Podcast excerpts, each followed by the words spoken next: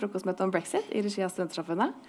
Eh, jeg håper alle har fått seg litt eh, kaffe og frokost. Det trenger vi nok kanskje nå når vi skal prøve å nøste litt opp i et av kanskje ja, Det er vel ikke en overdrivelse å si at det er et av vår tids største politiske kaos.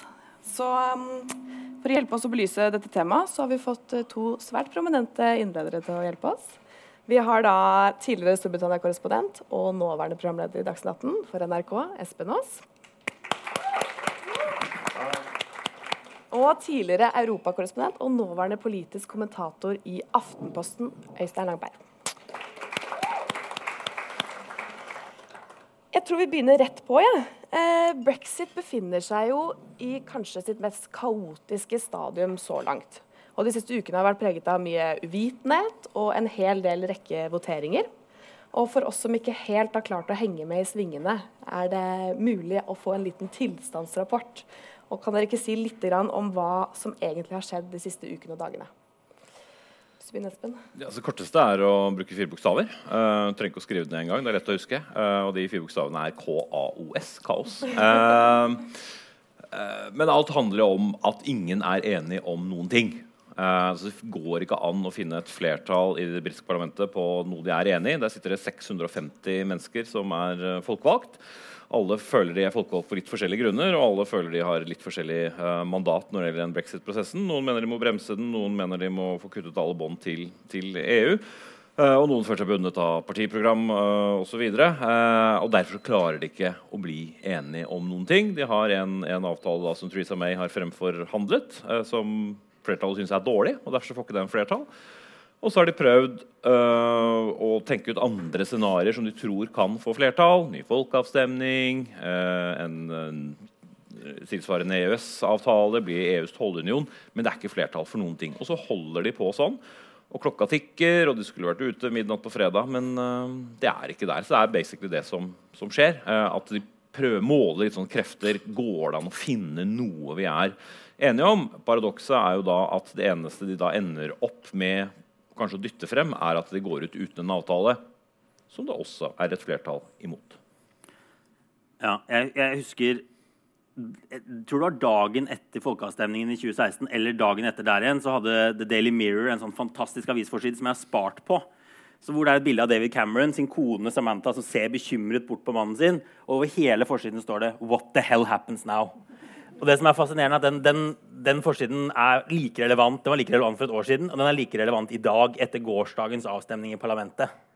For, for med mindre det britiske parlamentet bestemmer seg for noe, vedtar et eller annet, Mays avtale, noe EØS-aktig et eller annet, så går de ut sånn planen er nå, av EU. Det er 12. april. Det er på en måte den nye end-datoen, exit-datoen. Ti dager. Ti dager. Uh, og før det er det et EU-toppmøte som blir ganske viktig. fordi Storbritannia må etter all sannsynlighet hvis de ikke skal krasje ut av EU, ha en forlengelse. Og det skjer 10.4. Så det er liksom de første tingene som skjer nå. Ja. Eh, og Det som selvfølgelig er så frustrerende og som gjør det så vanskelig, er at de stilte et veldig enkelt spørsmål. Syns du vi fortsatt skal være med i EU? Ja eller nei? Uh, og Det er jo enkelt å svare på, men det de spørsmålene ikke hadde med seg, er sånn Hvordan syns du vi skal forlate EU? Hva syns du skal skje etterpå? Uh, og det, er, det, blir som å rygge en bil i høy fart eller kjøre bil og bare se ut bakvinduet. For det er sånn helt umulig å skjønne uh, hva som, som, ligger der. Ingen snakket med EU hvordan fungerer dette, for det er aldri noe land i historien som har meldt seg ut av EU, unntatt Grønland, som ikke er helt sammenlignbart. og det er jo EUs eh, nest største økonomi som forsvinner ut. Og det lager også et problem for EU. fordi at alle de eh, 28 EU-landene bidrar jo til EU-budsjettet. Storbritannia bidrar mye. og Når de forsvinner, så blir det et kjempestort hull igjen. Og hvem skal dekke det? Skal det være Polen? Skal det være Italia? Altså, eh, alle de eh, ruinerte EU-landene som er der, må liksom fylle på i det Storbritannia forlater. Så det er, det er, ikke i noe EU-lands interesse at de forsvinner, egentlig. Uh, men, men, Storbritannia har, har, bare bestemt det sånn, og da Det blir ikke lett. De pleier å si at det er første handelsforhandlingene i verdenshistorien hvor man skal bygge opp handelshindre. Man skal, liksom, man skal forhandle seg tilbake i tid på en måte, og gjøre ting mer vanskelig. Og det er jo en ekstremt komplisert prosess som ingen har noen som helst erfaring med, bortsett fra kanskje noen på Grønland som burde vært spurt. Vi, Ja, Vi hører jo mye om alle disse utfallene. Men kan dere ikke beskrive litt nærmere hva disse faktisk innebærer, disse alternativene? Og vi hører jo liksom eh, Norway pluss og no deal og tollunion. Men hva er det vi faktisk ser på som sannsynlige utfall, og hva er det som ligger på bordet nå? Jeg, jeg, tror i hvert fall at de to mest sannsynlige er at de dunker ut uten noen avtale. Og da er det sånn helt sånn grunnleggende WTO, altså Verdens handelsorganisasjons tollregler, som ligger i bunn, som er helt sånn meningsløse for helt sånn skyhøyt toll på masse varer, som da det ikke er noe poeng å verken importere eller eksportere, for de blir så dyre. Det er kanskje mest sannsynlig sånn som det er nå. Uh, det jeg tror er den løsningen det egentlig ligger et flertall for i parlamentet, er å, å være med i EUs tollunion. Uh, men det gjør det vanskelig fordi partiprogrammet til Theresa Mays eget parti så står det at det skal de ikke. Uh, så da må de stemme mot sitt eget partiprogram. Uh, men uh, vi så både i går og sist gang det var avstemning, at det er på en måte det alternativet som flest er for. Og du får Storbritannia ut av EU. Du sikrer videre handel. Mens f.eks. en EØS-avtale, eller Norway Plus, da, som er EØS pluss en tollunion, da ender de opp med alt de er imot. Da er det fri flyt av folk. Uh, altså Alt de mener er galt med EU, må de fortsatt ha. Så det jeg mener i hvert fall er galskap om de skal uh, ende opp med. Så er det selvfølgelig ny folkeavstemning, som de heller ikke kan gjøre. For de har sagt nei, vi skal respektere folkeavstemningen. Så kan de ikke komme og si men vi likte ikke resultatet, så vi tar en til. Uh, så egentlig alle, alle optionene, som er et veldig fint norsk ord, er jo er vanskelige. Så de må, de må bare finne ut hva de er minst imot, ikke hva de er mest for. Ja, og det, det, de det, som har vært diskutert en stund nå, er jo denne Mays skilsmisseavtale. Og det er egentlig en, ikke en avtale om fremtiden, det er egentlig en avtale om fortiden. Eh, og så er det noen småting i den avtalen som sier noe om fremtiden, men er ekstremt vag. Så egentlig så ligger det veldig mange muligheter i Mays avtale allerede. Eh, så dette er ekstremt komplisert. Men det May ønsker seg, er jo et ganske klart brudd med EU. Hun vil ut av EUs tollunion og ut av det indre marked. Og vi kan jo bare liksom minne om at Norge er medlem av det indre marked gjennom EØS-avtalen, men vi er ikke medlem av denne mye omtalte tollunionen. som det er så mye snakk om. Norge har en tollgrense med EU. Det er derfor vi kan handle på taxfree når vi kommer hjem fra Sverige eller fra, fra Brussel eller fra London. Kan velge mellom tre oster i ostedisken. Ja, og fordi vi har liksom høye matpriser og dårlig utvalg, vil noen si. Eh, så, så, så, Storbritannia ønsker på seg på en måte altså, ja, Det er ulike alternativer, da. Men det er i hvert fall et alternativ er å bli i både i det indre marked og i tollunionen. Eh, men da vil jo Storbritannia være mer tett knytta til EU enn Norge er i dag. For Norge kan føre sin egen handelspolitikk. Vi lager jo våre egne handelsavtaler. vi. Nå forhandler vi f.eks. med Kina. Det gjør ikke EU. Eh, men hvis Storbritannia forblir i tollunionen også, så oppgir de handelspolitikken sin. Og det var jo selve hovedgrunnen for mange i Theresa Mays parti til å bli i, eh, i EU. Men som det ser nå, så kan Theresa May likevel bli tvunget inn i en sånn vi kaller det mykere brexit. Da. Tettere, en tettere tilknytning til EU. Uh, eh, og det vil hun antageligvis ikke gå med på. Og det at jeg tror at et mulig utfall som ser mer og mer sannsynlig ut, er at de må ha et nytt valg. Ikke en ny folkeavstemning, men rett og slett et nytt valg i Storbritannia. Ja, fordi, ja, vi hører jo fordi nyvalg og ny folkeavstemning det snakkes jo også mye om. Eh, hva er sannsynligheten for det, og vil dette egentlig gjøre noe forskjell på sånn situasjonen er i dag? Det vil mest sannsynlig gjøre det verre, eh, tror Nyvalg. jeg. Nyvalg vil gjøre det verre. Um, fordi altså, Da de hadde folkeavstemning, så hadde Det konservative partiet et solid ganske solid i hvert fall, flertall i Underhuset. Og så ble Theresa May lurt til å ta et nyvalg, for hun var så populær. Så sånn, ja, ja, kjempelurt, så kan hun få enda større flertall. Og så mistet hun flertallet. Uh, og har jo nå en mindretallsregjering med støtte fra nordirske uh, unionister. Uh, sjansen for at hun får flertall etter et nyvalg, mener jeg er helt mikroskopisk. Så du kan ende opp i enda mer kaos. Eller fordi hun da er så langt unna noe flertall, så blir hun tvunget til å gjøre noe som briter ikke gjør, nemlig samarbeide med opposisjonen. Altså Det gjør ikke briter. Her gjør vi det hele tiden. Her har vi kompromisser. men, men det å, for en konservativ statsminister å si bare sånn Hallo, dere på andre siden av uh, dispatch-boksen der. Skulle vi tatt et møte og se om vi kan finne ut noe sammen? Det kan jo være en mulig løsning, men å si til briter med sånn OK, vet vi har hatt veldig mange folkeavstemninger og valg det siste året, men vet dere hva? Vi skal ha én til! Vi skal sette som parlamentet enda en gang! Og da er jo også veldig mange redde. Hva skjer med dem? ikke sant? Folk har stemt imot avtalen, de har gått på tvers av partilinjene. Og så plutselig så skal de velges inn på nytt. Så mange er jo redde for om de overlever uh, et nytt valg også. Uh, fordi fra hver valgkrets da, jeg skal ikke forklare hele valgsystemet, men så blir det bare valgt inn én person hos oss så har vi jo mange stortingsrepresentanter hvert fylke, men der er det bare én eneste. Så hvis 1000 stykker stemmer på Labour og 1001 stemmer på en konservativ, så er de 1000 stemmene til Labour helt bortkastet. For da er det bare den konservative som kommer inn. Så sånn eh, fungerer valgsystemet, og det kan endre mye på det politiske bildet. Så det kan jo bli enda mer kaotisk.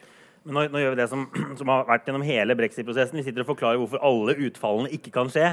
Og så er det sånn, ett av de må det bli. Det blir jo alltid et utfall. Det kan ikke bli ikke noe utfall. Um, så jeg, jeg, vet ikke, men det kan bli en ny, folka, en ny, en ny nyvalg ganske snart. Det er ikke umulig, og det blir eh, å spille rulett. Det er så mange usikkerhetsfaktorer. Kanskje kan de konservative gjøre det bedre ved å si at de andre vil stoppe brexit, f.eks. Men det kan også få Jeremy Corbyn til å bli statsminister på en god dag for han.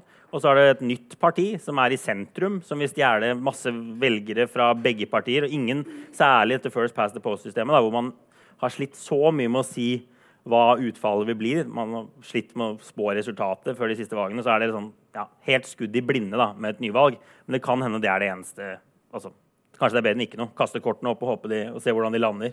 Kan man alltid skylde på folket etterpå. Ja. Og, og, ny folkeavstemning er det jo sånn at Britene stemte jo 52-48 for å forlate EU i 2016. Og det siste året så har dette snudd. Altså, nå er det hvis man ser på snittet av de siste målingene De spør britene mange ganger i måneden hvordan de ville stemt i ny folkeavstemning. Så er det 54-46 i favør av å bli i EU. Så det har åpna seg opp et lite, men, men ganske sånn konsistent gap nå. Men, men jeg tror altså, når man ser på hvem som, hvorfor det har blitt dette gapet, så er det klart at det er ikke fordi folk angrer så mye. Um, når man spør de som stemte for å, EU, nei, for å forlate EU, for eksempel, så er det fortsatt sånn at 80, 82% tror jeg det siste tallet, sier at de fortsatt ville stemt det samme. Og det er omtrent like mange som angrer på den andre siden. Så det er også mange som stemte for å bli EU, som har bytta side, eller ja, 15% kanskje. Så grunnen til at det gapet åpna seg, er at det var en del folk som ikke stemte i 2016, som nå sier at de vil stemme, og de vil stemme Remain. Um, og det er grunnen. Og det gjør jo hele dette ekstremt usikkert. For det er ikke sikkert disse folka vil gå til urnene denne gangen heller. De bare sier det. Så sannheten er at man vet ikke hvordan en ny folkeavstemning ville gått. Og det tror jeg er noe av grunnen til at det er såpass stor motstand i parlamentet mot å vedta en ny folkeavstemning. Og så er det vanskelig å forklare hvis du, da, du, får, du får, bare et speilbilde av den gamle. Da? Du får et lite flertall for å, å bli i EU, og så bare si ja, det er mye lettere å respektere denne folkeavstemningen enn den forrige. Uh, politikerforakten i Storbritannia er relativt høy før dette. Og nå er den jo helt enorm, fordi de bruker jo milliarder på ingenting. Absolutt ingenting. Uh, og folk uh, valutahandler og tjener penger på at det er så mye usikkerhet i, i, økonomien samtidig, som irriterer mange. så det er veldig vanskelig, med mindre du får et kjempestort flertall. Hvis du, kan, du er sikker på at du får et stort flertall, så kan du si ja, men forholdene har endret seg. Vi må ha en ny folkeavstemning. La oss ha det veldig fort, og så kan man bli i, i EU. Men de vil jo gå ned i historien som et av de største politiske svikene i, i nyere europeisk historie. Jeg tror liksom Målingen måtte vist 60-40. I 60% nå hadde vi vært for å bli EU. Så hadde vi kanskje endret dynamikken. Da kunne du sagt at nå har folk endra mening. De angrer. Men det er for jevnt til å si det. Men dere snakker om dette folkelige engasjementet rundt brexit. Og dere var jo begge korrespondenter under brexit, henholdsvis i Brussel og i London. Eh, kan dere ikke si litt om hvordan det engasjementet har, altså var da, og hvordan det ser ut nå? Vi har jo hørt om liksom, underskriftskampanjer hvor seks millioner har liksom, stemt for å bli. Eh, har dette egentlig noen påvirkning i det hele tatt? Og hvordan ser dette ut? Altså, de fikk jo et spørsmål som de aldri hadde bedt om. Det må vi aldri glemme. Altså, det, det, det, var ikke noe sånn folk satt på puben og bare sånn der ah, Burde kanskje burde stemt om EU. Altså, de hadde jo vært medlem av EU i 40 år. Uh, altså, folk har født inn i EU, levd med EU, uh, eh, og det var, var en greie. Folk ante jo knapt at de var medlem av EU. De var bare en del av et politisk system. Eh, og så kommer dette spørsmålet. Og det mest talende synes jeg var på valgdagen 23.6.2016. Så var jeg i en bydel som heter Uxbridge, som er der eh, utenriksminister Boris Johnson har sin valgkrets. Han bor ikke der, er aldri der, men uh, som er da nordvest uh, i London. Og da var det en sånn Remain-bod, uh, og så var det en Leave-bod. Og der sto det en del sånn godt voksne damer kunne sagt kjerringer, jeg sier damer, uh, som fantes ikke politisk opptatt, men sto sånn skreik der. Uh, og bare sånn der, 'Kan noen hjelpe oss? Vi må stemme! Jeg vet ikke hva jeg skal stemme!' Og det var liksom den dagen det skulle stemme.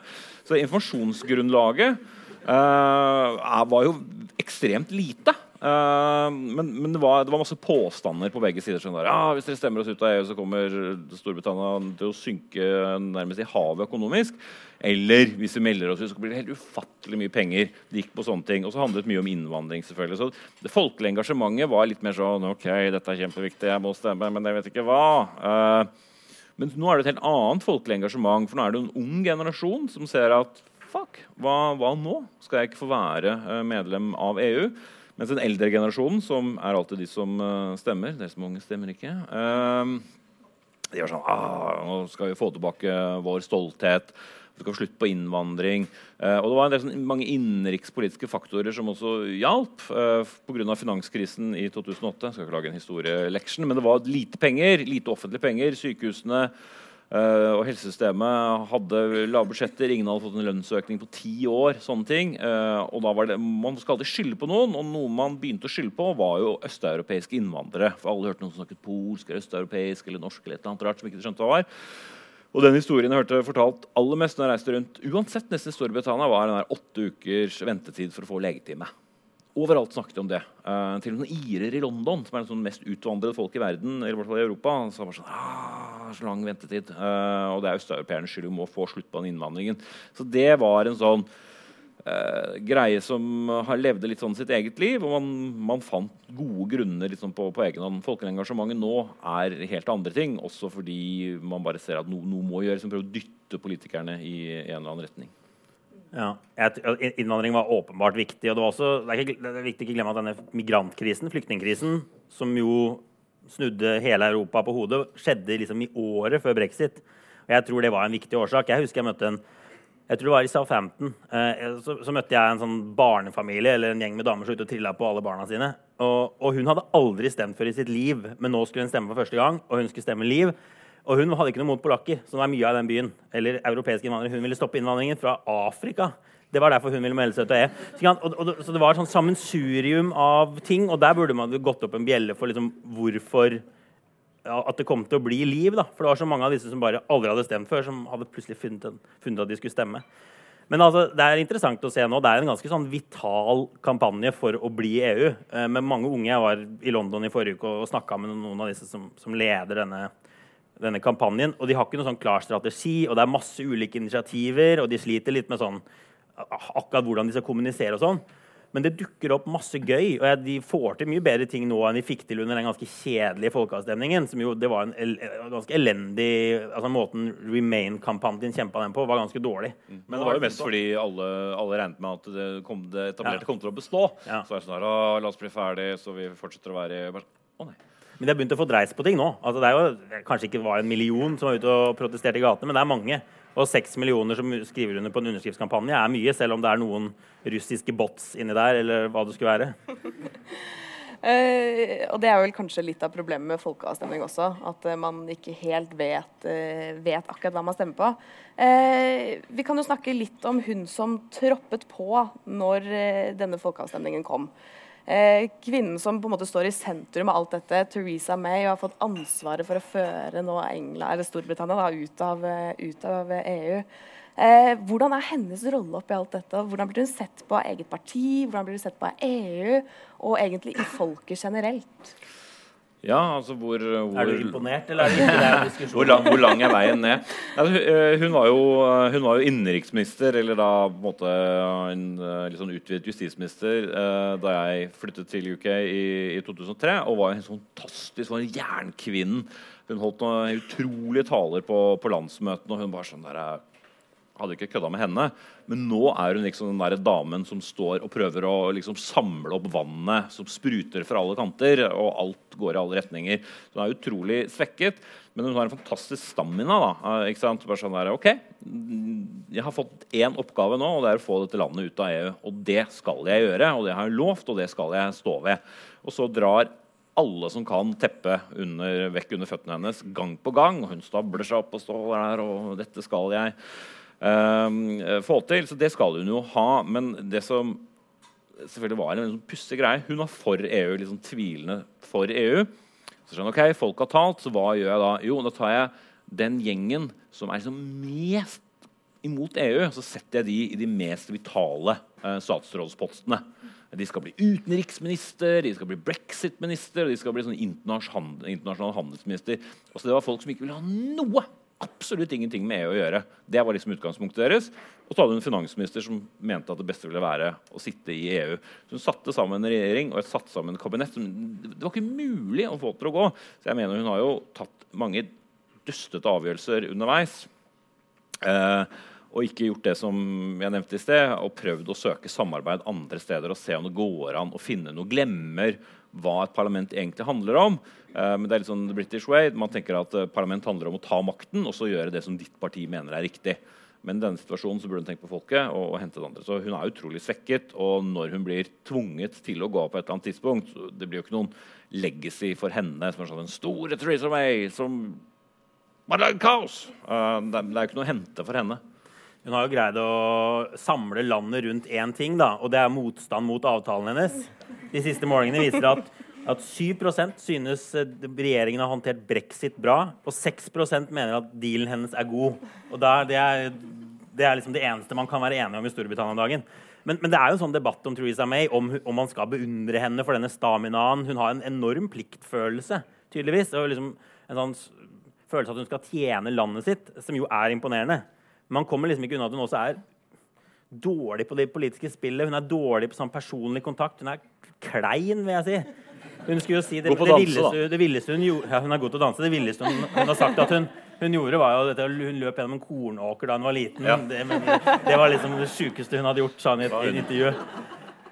Men, men, jeg, men, jeg, tror hovedproblemet til Theresa Jeg tror denne avtalen, skilsmisseavtalen hun har forhandla fram, jeg tror ingen annen statsminister ville fått til noe sånn substansielt annerledes. Fordi den, altså, De måtte bli enige om hvem som skal betale regninga, og den ville endt opp rundt der den hadde gjort nå uansett, tror jeg. Uh, og de måtte bli enige om borgernes rettigheter, altså hva som skal gjelde for briter som bor i EU, og, og EU-borgere som bor i Storbritannia. Dette er ting de måtte løst uansett. Og EU ville uansett krevd en eller annen løsning for Nord-Irland, tror jeg. Problemet hennes er måten hun har solgt inn på. Hun, hun mang, virker som hun mangler helt sånn, så, sånn, sånne, ja, kunnskap om det politiske spillet, om å få med seg sitt eget parti på ting. Uh, det virker som det er der liksom, det skorter først og fremst. Og det kan det hende en annen leder hadde klart, som er bedre på, på Westminster-spillet enn henne. Har bedre personkjemi med folk. For hun, ja, hun, er, hun, er, men hun er jo et stykke unna å få den gjennom, da. Ja, øh, og det er jo en sånn vitsetegning hvor hun sitter oppå en død hest pisker og pisker og pisker den. Og så sånn, fjerde gang! Fjerde gang! Og den er jo like død. Uh, får den ikke opp. Men, uh, men, for å snu litt på det, det, er jo som du er på, det er en helt sånn umulig oppgave. fordi at EU hadde jo bare én strategi, og det var å gjøre det så vanskelig som mulig. Ikke gi ved dørene overhodet. Fordi på det tidspunktet eh, så var det jo i mange andre europeiske land også sånn gryende EU-skepsis. Eh, og hvis Storbritannia skulle fått til det de sa. Sånn her, fantastisk fremtid, og økonomien vår skal vokse, og vi skal bare inngå de kuleste handelsavtaler noen har sett. De var liksom på det nivået. Rule Britannia! De, jo, de, kunne jo ikke det. Eh, altså De måtte gjøre det vanskelig. Hvis ikke så ville jo flere land eh, komme ut. Altså Det er jo mye som er ko-ko med EU sett uh, utenfra. Eh, så, så, Derfor så har de jo gjort det kjempevanskelig for, for Storbritannia. Og i overkant dustete vanskelig, sånn som med Nord-Irland. Altså Dette var noe som EU aldri har gjort før. De kunne bare sagt ok, akkurat det der er så risky at det, det, det ordner vi bare. De sier at der kan det være en sømløs grense. Ferdig med det. La oss snakke om de vanskelige tingene. Men der også uh, har de kranglet og kranglet. For poenget er jo Irland, Irskøya er som det sikkert vet, delt i en bitte liten nordirsk del, som er Storbritannia, og så resten som er da republikken Irland. Og de blir jo i EU. Og det blir jo landegrensen. Og hva faen skal man gjøre der når man har EU der og Storbritannia der? Uh, det, det, finnes jo ikke noe godt svar på. så Det er en knute uansett. Så da må du bare bestemme seg for at ja, det går, eller det går ikke. Uh, og det har du brukt ufattelig uh, mye tid på. og det er så mye følelser, og det er så vanskelig. Og det støttepartiet til Theresa May mener jo at må, ingenting må være annerledes der enn resten av Storbritannia. Hvis ikke så anerkjenner vi at de er mer irske enn britiske, og da får hun ikke flertall. Ja, for jeg tror liksom, Man kan kritisere Theresa May for at hun ikke har vært ærlig nok tidlig nok. Hun, hun, sa vi skal ut av det indre marked, ut av EUs tollunion. Vi skal være fri til å gjøre som vi vil. Og hun sa vi skal ikke splitte opp Storbritannia. Nord-Irland skal være en del av Storbritannia. akkurat de samme reglene som Storbritannia. Og vi skal, ikke ha en, vi skal ha en helt usynlig grense mellom Irland og Nord-Irland. Og de ti tingene der, sånn som med EUs krav, de går bare ikke. For det som har sikra den usynlige grensa mellom Irland og Nord-Irland, er EUs indre marked og EUs tollunion, som gjør at varer kan flyte fritt. fritt. Man, må ikke, man må ikke sjekke sånne veterinærting på, på dyr for eksempel, når de skal over grensa. masse sånne ting, Fordi de har det samme regelverket. Og så lenge Storbritannia vil ut av det regelverket, så må det en grense til. Og det, det kunne hun kanskje vært ærlig, for det er jo der de ender opp. Nå ender Storbritannia denne forsikringsordningen for Nord-Irland, som, som alle er så forbanna på, som gjør at hvis ikke britene kommer opp med en genial løsning for grensa mellom Irland og Nord-Irland, så må de på en måte bli i EUs klør likevel. Hun kunne vært ærligere på at det er kanskje sånn det må bli, uh, i stedet for å love noe som hun ikke kunne holde. Uh, ja. For det er et problem. Tenk deg at, uh, at det er full innvandringsstopp, mer eller mindre, at du nærmest må ha en green card for å komme inn i Storbritannia. Bare for å lage et ekstremt eksempel. Mens det selvfølgelig ikke er det i Irland. Så hva hindrer deg da i å fly til Dublin? og så bare dra via eh, Belfast og Nord-Irland og inn i Storbritannia. Ingenting. Hvis det er forbud mot klorkylling, som det er da i EU, eh, i republikken Irland, men Storbritannia har inngått en avtale med USA om å importere, ja, eh, importere klorbleket kylling. Hva hindrer deg da i å eh, eksportere det fra Nord-Irland til ingenting? Ikke sant? Og masse sånne små detaljer, men som vil være potensielle eh, politiske eh, problemer. Eh, men vi har jo en åpen grense i Norge mot EU, eh, e som er eh, Selvfølgelig fordi, vi er i Schengen og EØS, men det, er klart det går an å få til konstruksjoner der. Og heller ha stikkprøver. Man kan ha elektronisk registrering av varer opp og ned. Og den grensen også, hvis dere noen gang følger den, den altså du, Det er én vei hvor du er ut og inn av Irland og Storbritannia sånn seks-sju ganger på noen kilometer. Men Norge er jo med i det indre marked. Det er et viktig forskjell. Altså, det, det, er en grunn til at varene flyter fritt. Vi har en tollgrense, men vi har indre markedsregler. Så, så, ja. Det er en forskjell. Så det er en forskjell der. Uh, ja. Men, eh, så det, det, har jo snakket om det. Det er en komplisert avtale. Det er komplisert å få til. Og hun har jo på mange måter overtatt en, altså, fått en jobb som er nesten helt umulig. Men vi må også snakke litt om han som eh, har lyst på denne rollen, har lyst til å overta denne rollen. Jeremy Corbyn, leder av Labour. Eh, hvordan posisjonerer han seg midt oppi alt dette? Hvem er han i denne situasjonen? Altså mest fascinerende er jo at han ikke posisjonerer seg spesielt mye. Eh, altså Dette er den største sjansen noensinne i hans karriere til å vise hva han er laget av, og vise at han er en leder. Men det har han bare latt være å gjøre. Og det er litt sånn fascinerende. Jeg fulgte valgkampen hans da han ville bli Labour-leder. Da alle trodde det var en sånn spøk at uh, denne gamle kommunisten skulle bli uh, leder i Arbeiderpartiet, som da lå ganske godt inn mot uh, sentrum. Og så, uh, Det var liksom køer langt ned. De hadde fullt av studenter og fagforeningsfolk. De bare elsket ham, holdt fantastiske taler. Og så bare hatet de ham i parlamentsgruppen og bare mente han, han representerer alt som er galt. Så han har, dras jo mellom disse fløyene. da Høyrefløyen og, og venstrefløyen. Kjempestor backing i, i fotfolket. men ikke ikke så stor backing i selve folket. Altså De kan ha sånn 500 000-600 000 Labour-medlemmer. Høres jo helt fantastisk ut, men det hjelper så innmari litt når det er snakk om millioner av mennesker som skal velge deg. Han er jo en EU-skeptiker. Mener jo masse galt med EU.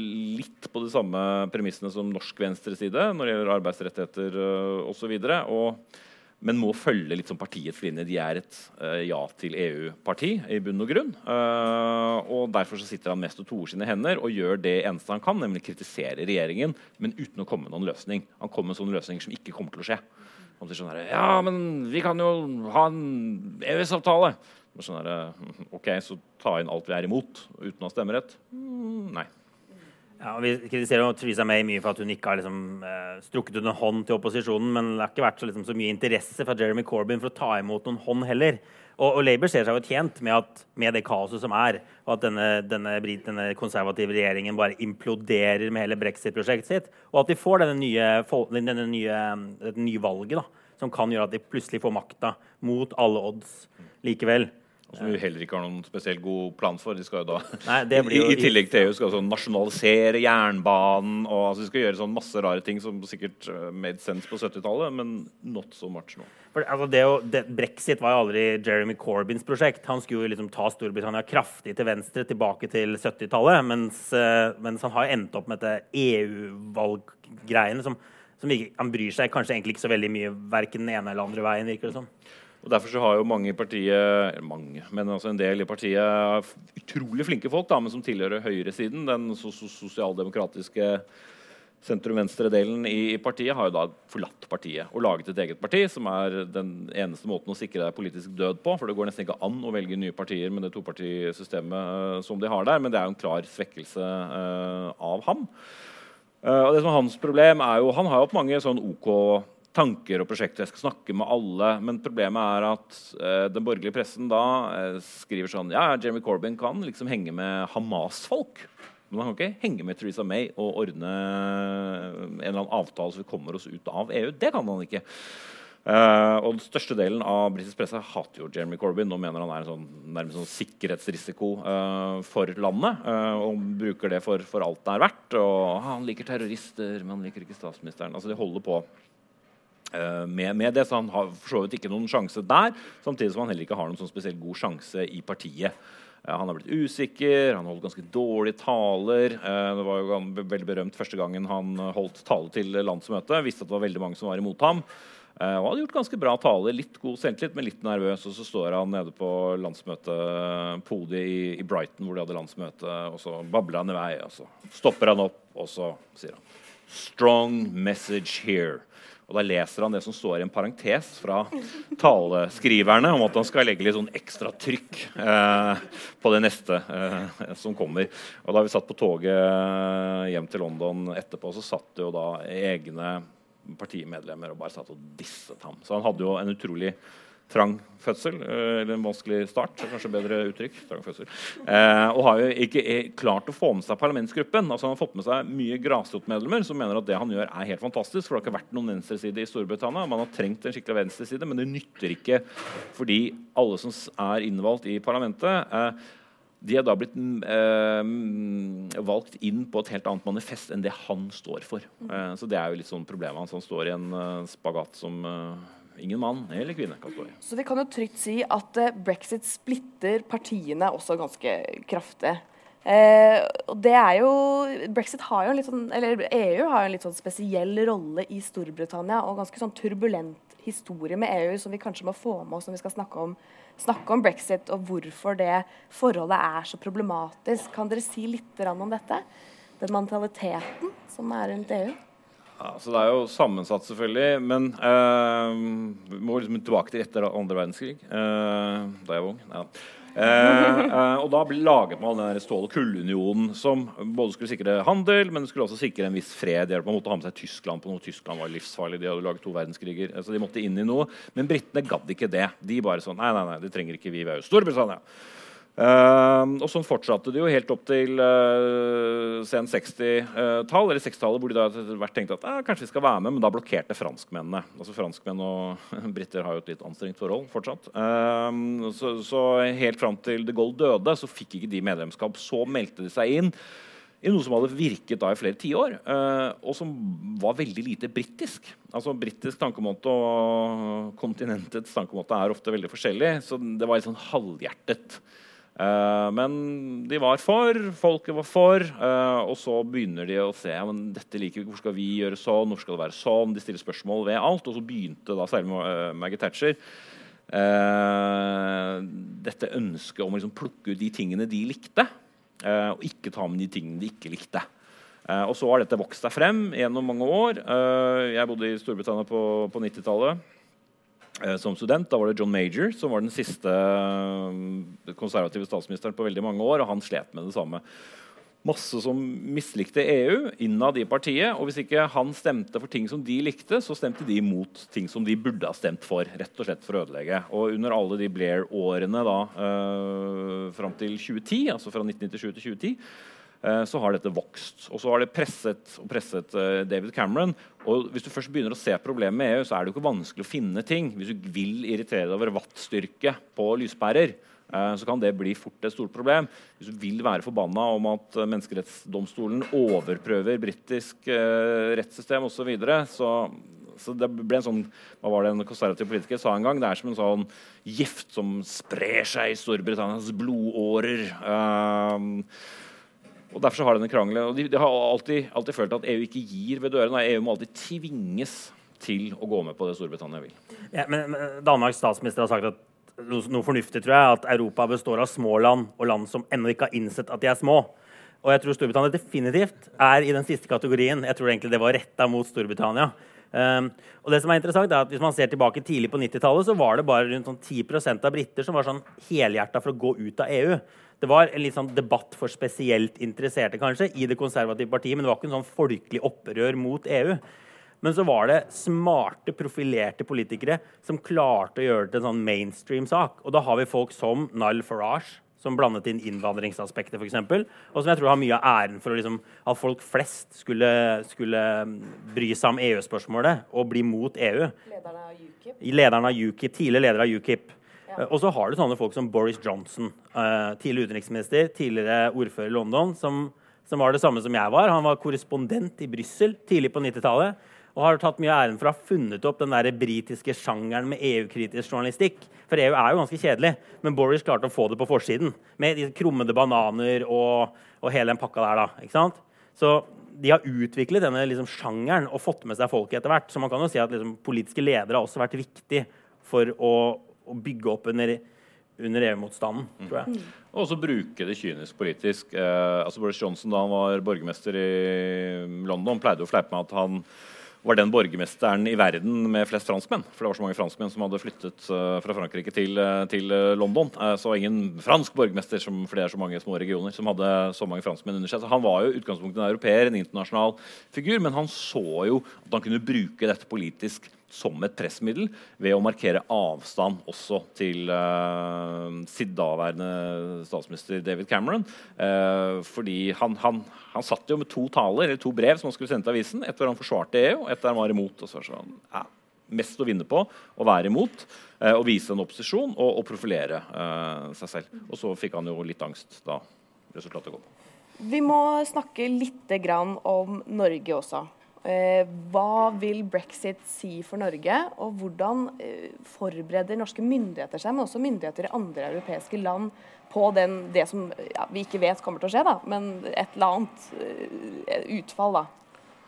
Det er, jo, det er, jo, Man må jo forberede seg på alt. Og no deal har jo den norske regjeringen forberedt seg på. Altså Det er jo så ekstremt som at fly kan slutte å gå mellom Storbritannia og Norge hvis det er en no deal. Det er, det er helt reelt. Det har både vår egen utenriksminister bekreftet. Det har også ambassadøren til Norge sagt at uh, i et sånn worst case scenario så er det liksom bare det er helt stopp. Det kommer ingenting av varer ut eller inn. Folk kan heller ikke fly inn eller ut i en, i en overgangsperiode. For det er sånn alle, alle regler opphører. Um, ikke at det blir sånn anarki nødvendigvis. Uh, men det vil jo være problemet. Og Norge er jo veldig avhengig av Storbritannia. Vi er den desidert største øh, altså når det gjelder gassimport, da, så er Norge den største importøren, øh, eller eksportøren unnskyld, øh, til der. Altså tre, tre, av fire gassbluss eller hva det er for noe, er jo britt, norsk øh, gass.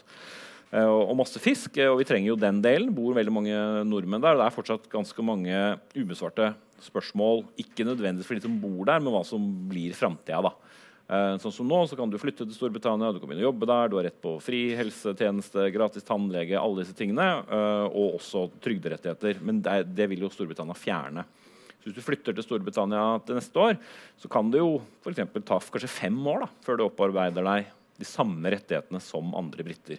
Så det vil gjøre det vanskeligere øh, å flytte dit. Men da er jo spørsmålet ok, men skal vi da gi det samme til briter som flytter hit? Altså du får en masse uh, spørsmål. Så vil jo ikke Norge ha Storbritannia inn i EØS. Der er vi det største landet i dag. Vi blir ikke så innmari store hvis Storbritannia skulle bli et EØS-land, som vel fortsatt er litt sannsynlig. Men, men, det er jo en av de få liksom, sterke meninger som, som, den norske regjeringen kommuniserer via litt andre, da, og sier at uh, det er nok best at ikke de uh, kommer dit. Men Norge, altså, No deal er jo én ting, og så er det en annen ting om de får en avtale. Og Norge har laget en avtale med Storbritannia om å liksom bare viske ut de verste friksjonene hvis det, blir, eh, hvis det, blir, no deal, for å prøve å få ting til å flyte. Fordi Storbritannia er liksom Norges desidert største handelspartner hvis man tar med olje og gass. Og så er det ingen som tror at selv i en no deal at Storbritannia vil si nei, vi skal ikke ha olje og gass. Altså, Det trenger de. Så antageligvis så kommer ting til å, å flyte greit. Men, men, det er jo alvorlig for Norge. Norge er en økonomi som er ekstremt avhengig av eksport. Eksport utgjør en veldig stor andel av, av BNP. Eh, og norsk og britisk økonomi er også veldig tett sammenvevd, viser sånne OECD-indikatorer. og en tredje ting er at eksport av tjenester, som blir en stadig større ting. Norge eksporterte tjenester jeg tror det var 40 milliarder kroner til Storbritannia i fjor. Og 40 milliarder det er penger, det òg, selv for Norge. Uh, og det som er helt sikkert, er at med de planene til Theresa May så vil det bli vanskeligere å drive tjenesteeksport fremover. Fordi det er, sånn som, det, er liksom det det indre markedet regulerer best. Og handelsavtaler er, sånn klassiske handelsavtaler for varer er mye dårligere på, på regulering av tjenesteeksport. Så det er åpenbart at dette har, har store konsekvenser. Det kom en rapport nå som viser at Norge, og særlig regionene på Vestlandet, er blant de som kan bli rammet hardest i Europa av, av en no deal brexit. Men så får vi se. Nå ser jeg på klokka. Du må dessverre dra, Espen, fordi ja. du har eh, sending. Dagsnytt i kveld. NRK2, NRK P2. Viktig mann, så du har et fly å rekke. Men jeg må takke deg for at du eh, tok deg tid til å komme hit og snakke for oss. Det har vært eh, veldig veldig, veldig lærerikt. Ville gjerne fortsatt, merker jeg. Ja.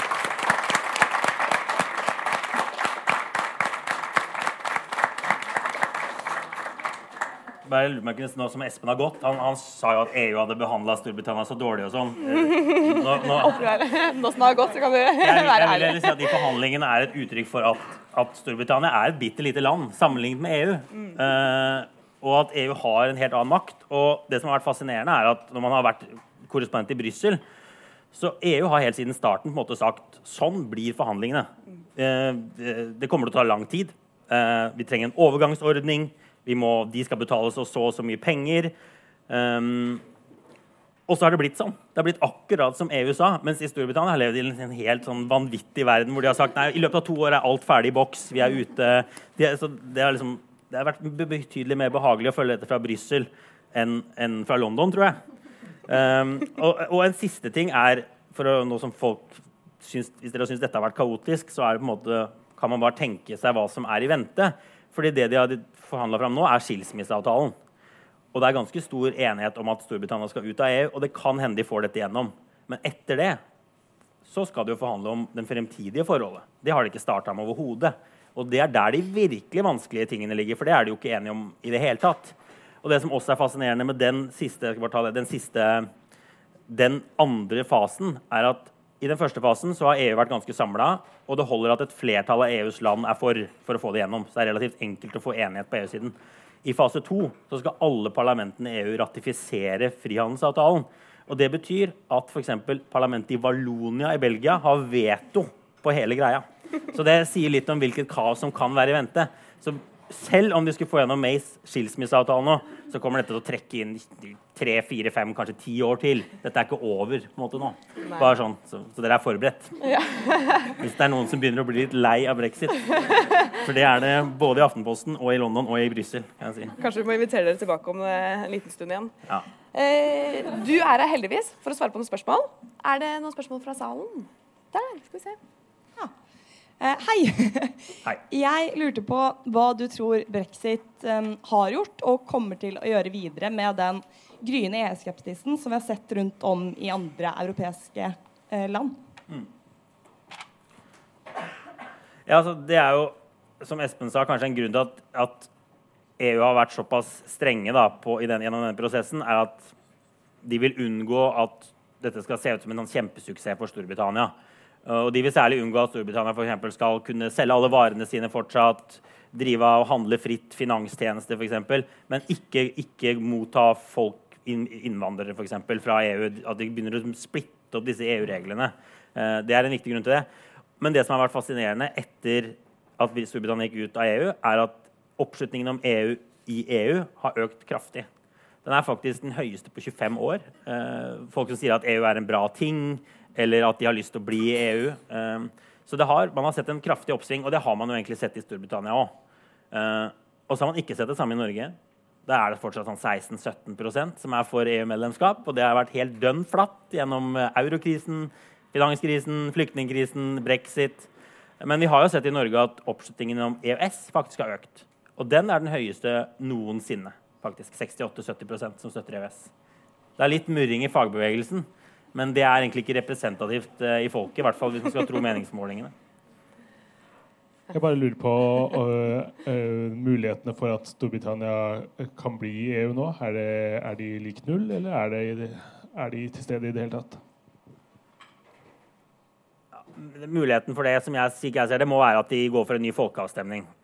Og som, som jeg sa i stad, så er det ikke flertall for det i parlamentet. Det er ganske mange i parlamentet som er for. Var, I går så stemte de over dette her. De stemmer over det hele tiden nå. 280 stykker, som er et stykke unna flertall. Flertallet ligger vel på 325. Eller 320. Uh, 326 er det vel. Så, um, så, det er en mulighet, men da må de først få det gjennom i parlamentet. Og så må de ta det til folket, og så må folket stemme 'remain'. Uh, jeg ser noen eksperter sier 10% sannsynlighet. Jeg snakka med han gamle spinndoktoren til Tony Blair, som nå er gått all in på People's Vote. Som sier noen dager så våkner han opp og føler 60-70% andre dager så føler han sånn 20-30. Han er jo en smart mann. Så det er ikke usannsynlig, og det blir kanskje mer og mer sannsynlig jo mer dette tværer ut. I hvert fall hvis målingene fortsetter sånn som nå. Da. La oss si at det begynner å bli nærmere 60-40. Da tror jeg altså 60% remain på, på målingene. Da kan, det, da kan, det, skje. Men eh, det er mange i EU som ikke vil det. altså. Det er mange i EU som nå bare vil ha britene ut. Fordi de kan skape altså, Et Storbritannia som kanskje stemmer 52-48 for å bli i EU, vil ikke være et sånn selvsikkert, trygt Storbritannia som kommer inn i EU. Det vil være sånn utrolig usikkert Storbritannia. Som, det vil være et land som liksom hadde muligheten til å gå ut, men som bare ikke klarte det. Og så kom inn igjen likevel. Eh, og særlig i franskmenn sånn, er veldig veldig skeptiske, skeptiske, til det. At det kan bli en svært lite konstruktiv partner. For uten Storbritannia så er jo EU i gang med en del prosjekter. De bygger opp mye mer forsvarssamarbeid nå for første gang. Eksempel. så jeg tror det er en del som bare og Jeg har til og med skrevet det selv, at det kanskje det beste for Europa er at Storbritannia bare vedtar avtalen til May, går ut nå og finner ut av ting. Og så får de komme tilbake om 15 år hvis de på død og liv vil inn i EU igjen. For da må det være fordi de vil. Ja. Ikke fordi de ikke klarte å komme seg ut. Men det er jo litt fristende at de skal bli òg, for, for, en som er litt uh, fan av EU, da. Du, ja, for du, du jeg kan jo mene ting, da. Ja, for du kan mene ting, for du er jo politisk kommentator. Ja. Eh, du kan jo mene litt mer enn Espen, men jeg kan jo spørre deg, du nevnte så vidt hva du tror er best for Europa. Men for eh, altså, Storbritannia, hva tror du er best for de nå, på dette tidspunktet her? Hovedargumentet mot en ny folkeavstemning er jo at det vil bli et eleven uten sidestykke. Uh, de, har allerede sagt liksom, sloganen til Liv-siden vil være liksom, 'Tell them again'. Og dem er da elitene i, i, i, i, Westminster som prøver å liksom, nekte folkets vilje. Det kan bli en utrolig giftig kampanje. Man kan se for seg at noen prøver å boikotte den, at den ikke får noen legitimitet. Men samtidig så er det det jeg sa i stad, denne prosessen er ikke over, selv om de vedtar å gå ut. Det kommer til å være kaos og bråk rundt EU-spørsmålet i mange mange år. Så det er veldig vanskelig å si. Men sånn helt grunnleggende så mener jeg jo at Storbritannia taper på å gå ut av EU, og at de grunnene til at de går ut, egentlig har mer med liksom dårlige politiske valg i Storbritannia å gjøre, mer enn EU-ting. Storbritannia har jo hatt høy innvandring fra EU. Det var en viktig grunn til at de gikk ut. Men Norge har hatt dobbelt så høy innvandring fra EU i forhold til folketallet. Og det har vært litt murring rundt, uh, rundt innvandring fra Øst-Europa i Norge. Men vi har jo takla det langt bedre med, med med altså, allmenngjøring av tariffer, tiltak mot sosial dumping. Det burde vært gjort mer, men Storbritannia har jo takla det dårlig. Og det er også vanvittige skjevheter. ikke sant? London er den rikeste regionen i Europa. Wales, Sør-Wales er en av de fattigste i Sør- og Vest-Europa. Eh, som er helt utrolig. De ligger så, så nærme hverandre. Så de har mange ting de burde gjøre. Eh, men det har ikke nødvendigvis noe med, med Brussel å gjøre. Ikke sant. Da tror jeg eh, vi er ferdig. Tusen hjertelig takk for at eh, du kom. Jeg håper vi er, vi er blitt litt klokere, kanskje, men eh, noe nærmere en løsning har vel ikke kommet. Takk.